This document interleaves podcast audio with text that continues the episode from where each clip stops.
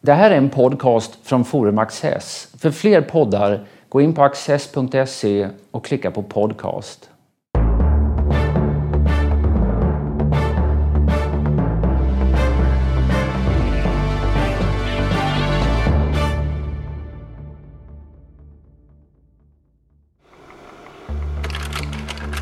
När första världskriget var förlorat begav sig Josef Roth från krigstjänst i den österrikisk-ungerska armén till Berlin och etablerade sig som mycket framgångsrik journalist. En av de böcker som han kom att skriva är ett enastående reportage, Judar på vandring. Den kretsar kring östjudarna och deras miljöer, levnadssätt och svåra historiska belägenhet i några av mellankrigstidens nya stater. Själv sörjde Josef Roth det Habsburgska imperiet, en multietnisk och multireligiös entitet som hölls ihop endast av en kejserlig familj och som upplöstes och lämnade plats åt hatisk nationalism. Romanen Radetzky-marschen är hans nostalgiska magnum opus, en kärleksförklaring till det som gick förlorat. Historikern Anders Björnsson som både har skrivit en bok och översatt ett novellurval av Josef Roth, samtalar här med Peter Luttersson. Josef Roth är en imperiefantast. Ja, det kan man säga. Men då ska man ha klart för sig att imperium är en glosa som i Josef Roths språkbruk inte har någon förklenande eller pejorativ innebörd. Det är inget skällsord. Det står snarare för en ett slags övergripande folklig gemenskap eh, som inte behöver ha varit någon eh, rosenskimrande idyll. Men det är framförallt ett imperium ett som imperium. det gäller. Det gäller ju inte Storbritannien eller Frankrike. Nej, och knappast Ryssland heller. Men något mer ändå? Ja, mot mitt, alltså det, det som ligger mitt i Europa, Europas kärna, Europas väsen, utgörs av detta imperium eh, med bas i Wien eller Prag, alltså den eh, österrikiska monarkin eller det tysk-romerska riket från början, Österrike-Ungern efter 1867. Det var hans eh, hem och det förblev hans hem även om han levde under stora delar av sitt liv utanför det här rikets gränser som ju för övrigt gick under eh, 1918. Och, och, den undergången gjorde honom, som han själv säger, hemlös? Hemlös. Eller så var han hemma i andra eh, städer eh, än eh, de här jag nämnde nu. Paris eh, älskade han. Berlin tror jag nog man kan säga att han hatade, även om det var där han slog igenom som författare. När han flyttade till Berlin, så, så, det var ju efter första världskriget, ja. då, så sa han också ingen östjude flyttar frivilligt till Berlin. Eh, han kom först eh, till Wien och gjorde en eh, succéartad karriär under ett år som skribent i den radikala vinpressen. Eh, förhållandena i Wien efter kriget var miserabla, mycket värre än i Berlin. Arbetslöshet, superinflation, den kom sen till Tyskland också, till Weimar-Tyskland. Eh, så han drog till Berlin och slog på samma sätt igenom där i den ledande pressen, eh, både i Berlin-tidningar och i andra tidningar, till exempel Frankfurter Zeitung. Så småningom i Frankfurter Zeitung. Men jag tänkte vi skulle säga lite mer om det där med imperiefantasm och, och det Habsburgska imperiet mm. först. Du har själv översatt översatt en eh, novell som heter Kejsarbysten mm. som beskriver det där utomordentligt väl. Mm. Eh, det är en adelsman som eh, framför sitt slott alltid har haft en byst av kejsaren. Han packar ner den under kriget för att det inte ska fara illa. Sen försvinner Österrike och Österrike-Ungern och kejsaren, men då ställer han ändå upp den framför sitt slott igen och börjar klä, klä sig i en gammal arméuniform från, eh, från eh, Österrike och Ungern. Därför att han eh, sörjer det här. Han, han har ingen nationalitet. Han har släktingar i alla möjliga länder, har inte identifierat sig med ett land, mm. utan den fasta punkten har varit kejsaren. Mm.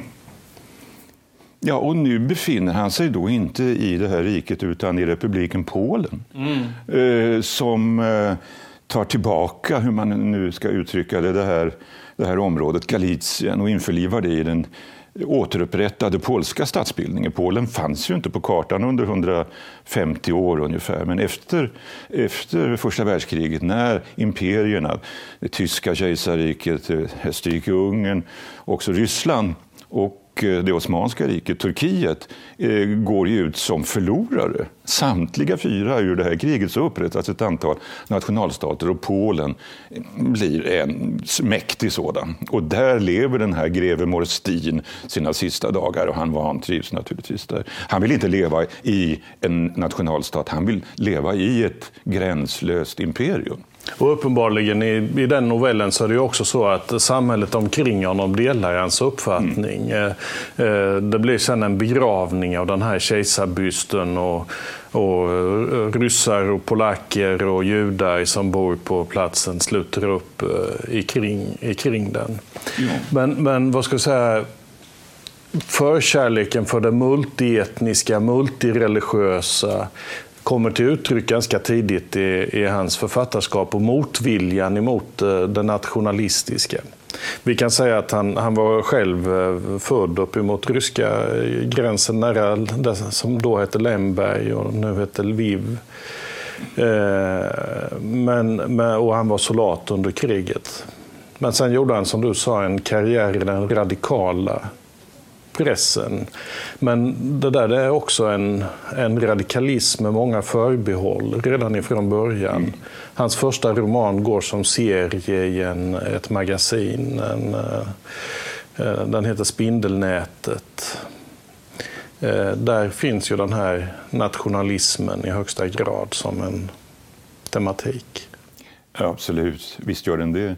Och, eh, Roth är ju väldigt eh, skeptisk, eh, inte minst till den tyska nationalismen. Det fanns ju i det lilla Österrike som blev över när kejsarriket gick i graven en mycket stark strömning som ville eh, införliva Österrike i det nya Tyskland, alltså i det republikanska Eh, Tyskland. Först Socialdemokraterna var starkt för ett stort Tyskland och sen också Kristdemokraterna, alltså de konservativa, ville att Österrike skulle gå upp i Tyskland. Det som inte hände förrän Hitler kom till Wien 1939 och införlivade allt detta i sitt, eh, i sitt imperium.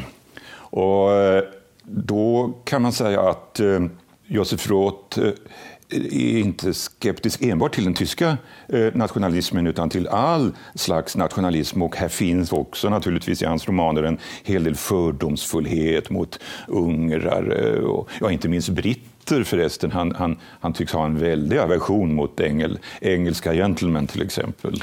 Jo, det hänger väl mycket samman med vad ska jag säga, hans eh, antikommersialism och antimaterialism. Och England är då en krämarnation och dessutom en, en ett imperium som bygger sina eh, kolonier på dominans över områden långt borta och inte att den växer genom att utvidga sina gränser och sen innesluta allt på någon slags likartade betingelser som mm. Österrike och Ungern. Ja, så är det ju. Alltså, han är, överhuvudtaget så, så är han skeptisk till Europa. Han talar ofta om Europa, då menar han Västeuropa.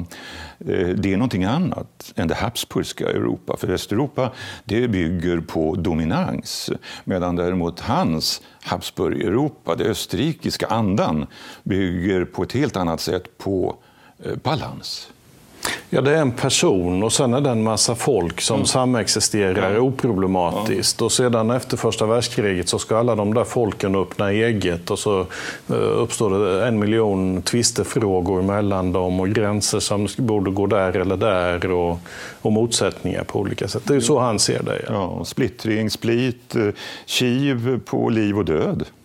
Den här Spindelnätet, eh, det är hans första roman. Mm. Den, är ju oerhört fascinerande. Den utspelar sig eh, efter första världskriget. Mm. Det är en samtidsroman och den handlar om en, en person eh, som kommer tillbaka från kriget och som ansluter sig till de frikårerna och först börjar med att ställa till sådana här gatukravaller och sen blir agitator.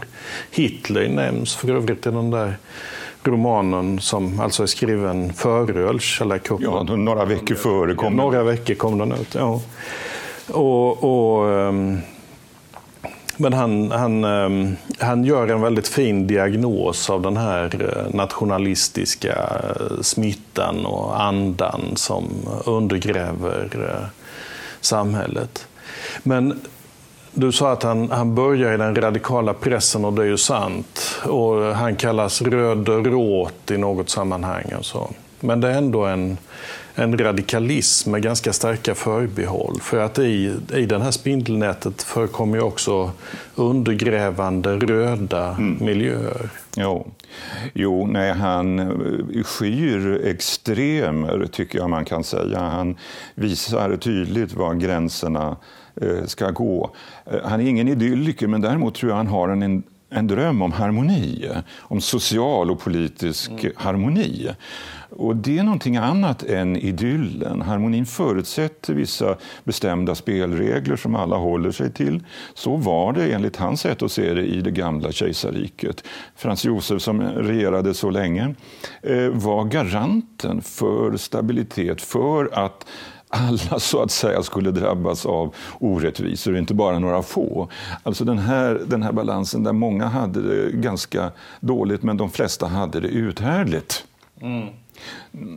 Det är naturligtvis en överdrift för det här, inte minst den del av riket där Josef Roth själv föddes och växte upp, alltså Östgalicien, det var nog den fattigaste provinsen av dem alla och den hade en enormt utvandringsöverskott. Där flydde folk, de kom kanske en del över gränsen från Ryssland där pogromerna mot judar och andra var särskilt eh, svårartade, men de kom över gränsen där och så fortsatte de eh, till tyska hamnstäder som Bremen och Hamburg över Atlanten till Nordamerika eller till Latinamerika eller till Australien.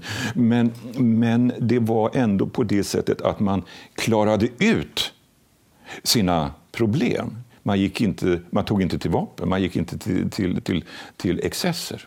Mm. Det tilltalar honom.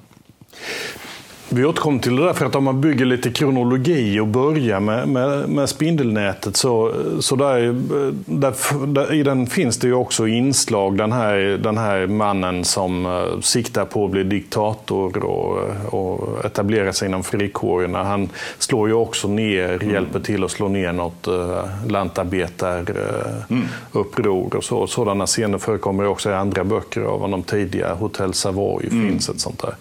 Men, men men eh, det jag nämnde, den här röda miljön, det är ju en krets expressionister, eh, mm. alltså modernister, målare, konstnärstyper som som eh, sluter upp kring eh, de undergrävande krafterna och vill göra ett attentat emot en symbolisk, eh, en symbolisk plats. Segerkolonnen i Tiergarten väljer man till sist. Det blir ju inte någonting av med det där attentatet. Men det påminner om en roman av Conrad och det påminner om när man flyger in i, i ett par hus i New York 2001 mm. och så. Alltså man ska ju ha klart för sig att Josef Roth aldrig var någon partiman, även om han skrev i socialdemokratisk partipress. Eh, han var ingen revolutionär. Han var vänsterman under eh, några år efter kriget, men han var en vänsterman av det, vad ska vi kalla det för, melankoliska slaget. Det finns ett stort sorgmod. Eh, det är inte en triumferande radikalism som han försvär sig åt. Den är absolut inte teoretisk Nej. heller, utan Nej. det är en slags eh, känslomässigt grundad idealism mm. närmast. Och han är emot extremism. Ja. Eh, då sa han kom tidigt till Paris 1925 som mm. korrespondent för Frankfurter Zeitung. Mm. Och ehm, sen gör han många resor eh, ganska snart. Eh, reportageresor till ja, Polen, Italien, Albanien, men också Ryssland ja. eller Sovjetunionen. Ja, han gör en reportageresa till eh, Sovjetryssland, eller Sovjetunionen som det heter då, 1925-26. Eh, och då rapporterar han för den vänsterliberala dagstidningen Frankfurter Zeitung. Det var väl, kan man säga, den ledande eh, tidningen i, i, i 20-talets Tyskland. Han var oerhört välbetald för övrigt och det sägs att han var den, den, den mest, eh, bäst avlönade journalisten i Weimartidens Tyskland. Eh, är det Mikael Hoffman som har sagt det? Ja, jag tror det. Jag tror det ska vi, ja, men det är, en bra, det är en bra story. Det är en bra story. Det är en bra story. Så han, får åka, han får inte bli kvar i Paris därför han blir ersatt och det, det gör honom ledsen av en eh, högerradikal herre som sen skulle försvära sig åt eh, fascism och nazism. Men däremot så får han då åka till Albanien, som du säger, till Ryssland. Och han åker till Ryssland inte alls eh, som eh, någon fellow traveler, alltså någon jättesympatisk inställning till de nya härskarna där. Det har han inte. Men samtidigt är han inte heller fördömande. Han är nyfiken. Han är en väldigt bra journalist faktiskt. Mm. Och uppfattar stämningar i folkdjupen och, och är kritisk mot förfärligt många inslag, men kanske inte mot systemet som sådant. Det är där, under den resan, tror jag, som han förstår att han, att han är eh, att han är europé, centraleuropé. Mm. Det är en mentalitetsskillnad mellan det ryska och det österrikiska som han uppfattar när han vistas de där månaderna i, i Rådsryssland. Det blir avgörande, inte det att han eh, tar avstånd från eh, kommunismen, för det, det, var, det var oproblematiskt. Det hade han gjort tidigare. Men han såg att det här är, det här är främmande för mig. Mm en del av de där sakerna som man gör iakttagelser om eh, tycker jag har den där märkliga eh, egenskapen att glida ut i tid och säga någonting om vår egen tid. Han tycker illa om Sovjetunionen som ett siffersamhälle. Att mm. allting styrs av siffror och statistik. Och vetenskap och sånt. Som man låtsas är argument, säger han. Ja. Ehm, och det är ju sånt här med femårsplaner. Och kärleken, det handlar bara om fortplantning och sådana saker. Mm. Eh, en, ett annat eh, reportage som man gör då i slutet av eh, 20-talet, det, eh, det gäller östjudarna. Mm. Ja, det, han åker ju tillbaka till sina gamla hemtrakter kan man säga och, eh, och finner sånt som både Eh, Eh, attraherar och som stöter bort honom. Han är ju naturligtvis en, eh, själv en östjude, men han är av det upplysta slaget. Alltså han, hans östjudendom är inte religiöst fotad, utan den är kulturellt eh, fotad. Han gör ju inte jiddisch till sitt litterära språk utan tyska till sitt litterära språk. Och han skriver ju på en fantastiskt vacker vacker högtyska. Det, det, det, det, det, är mycket intressant. Och i eh, Brody och sen också i Lemberg, eller Lviv, som idag ligger i Ukraina för övrigt, så, så, så eh, går han ju i tyska skolor, tyskt universitet.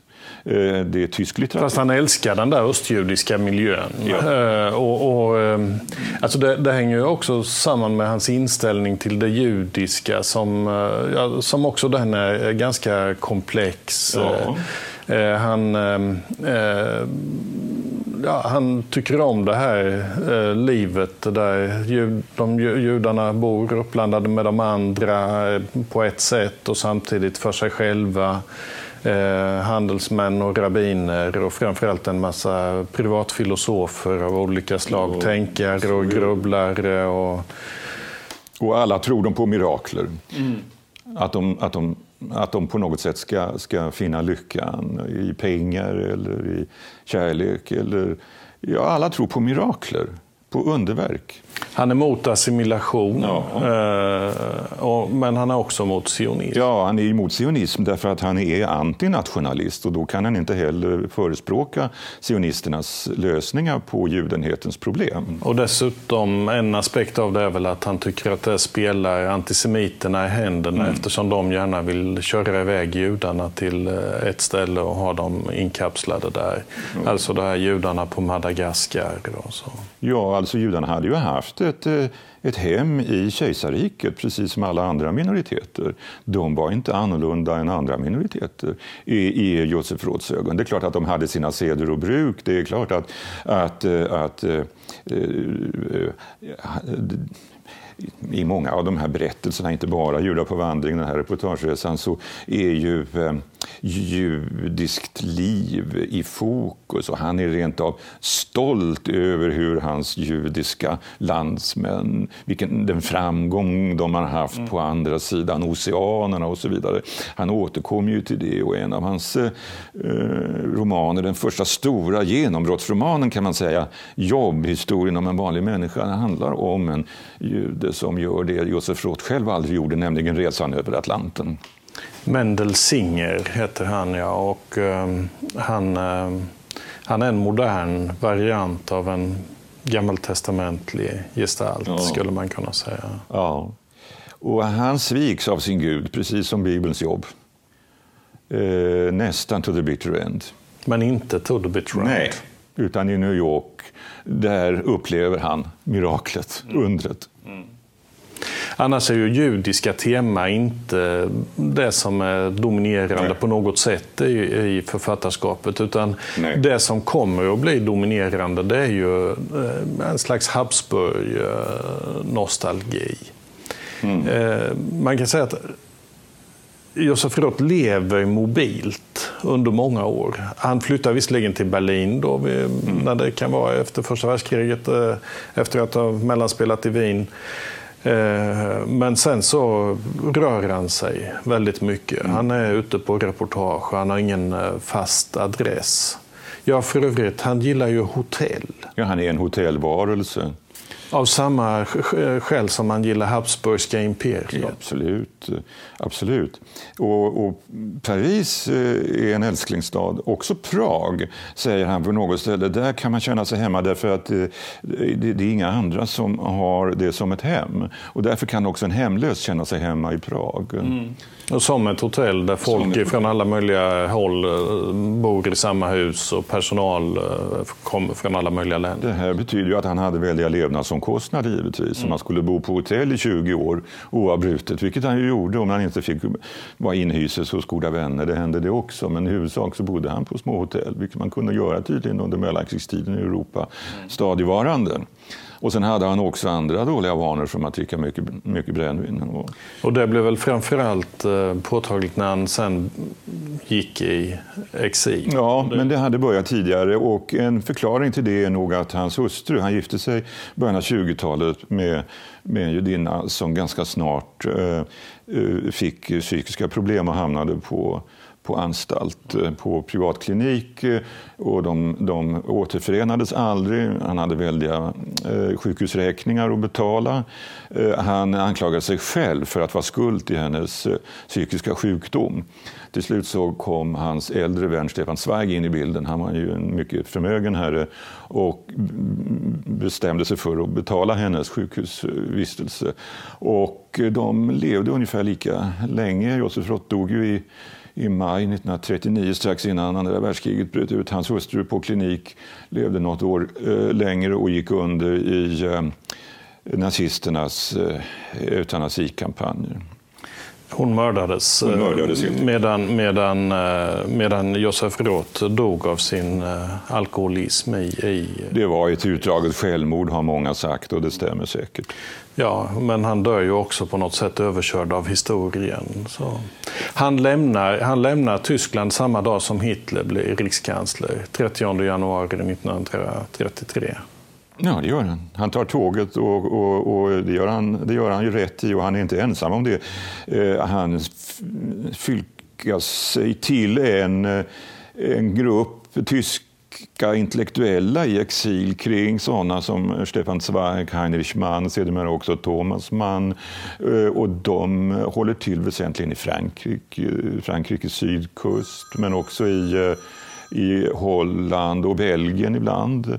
Och de umgås på ett förnöjsamt sätt som det verkar, men naturligtvis mot en hiskelig bakgrund. Men om man tittar på hans, han brevväxlar ju mycket med Zweig. Mm. I de här breven som, eh, hans brev finns ju utgivna, så är det ju oerhört många brev till Zweig. Mm.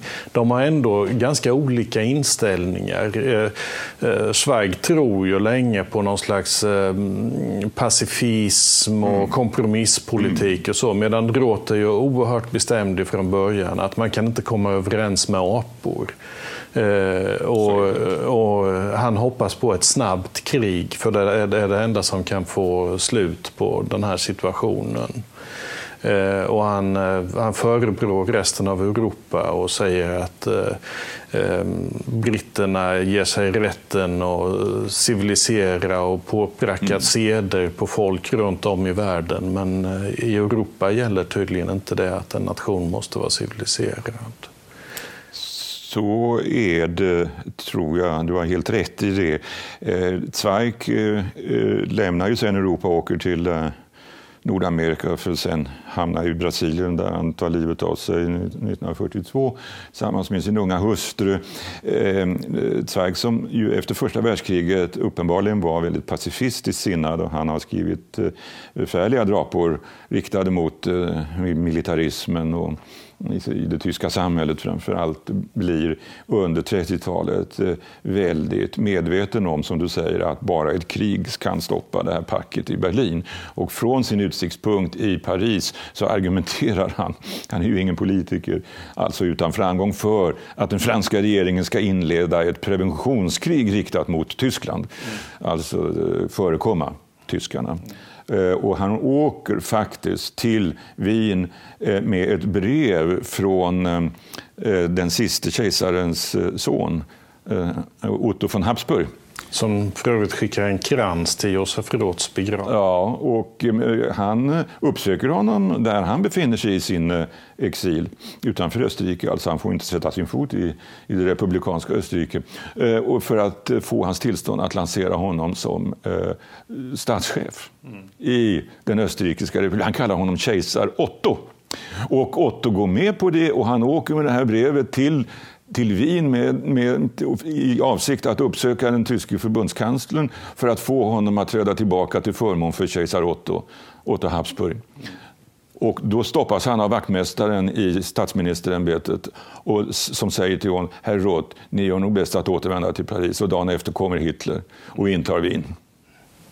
Jo, ja, eh, nu, eh, vi måste ju faktiskt också nämna Radetzky-marschen ja. när vi har kommit in på Otto von Habsburg. Här. Det är hans stora roman, av Jolo betecknad som världens bästa roman någonsin. Mm.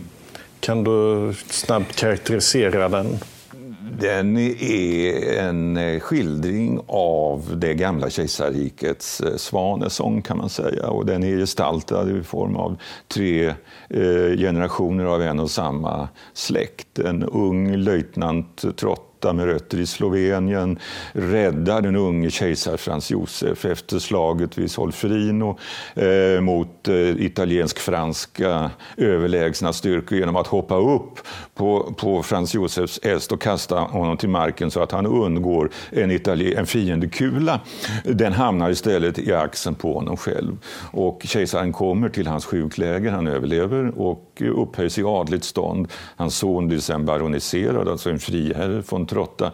Och det är den eh, personen och hans son i sin tur som är huvudpersonerna i Radetzky-marschen. ja, det är sån där uppgång. Och... Uppgång och fall. Och det kan hända att det är flera som har sett den här eh, filmen som gjordes på den, i början av 90-talet. Det är en, det är en Hollywoodproduktion med Max von Sydow i en av huvudrollerna och alldeles för mycket sex, eh, kan jag tycka.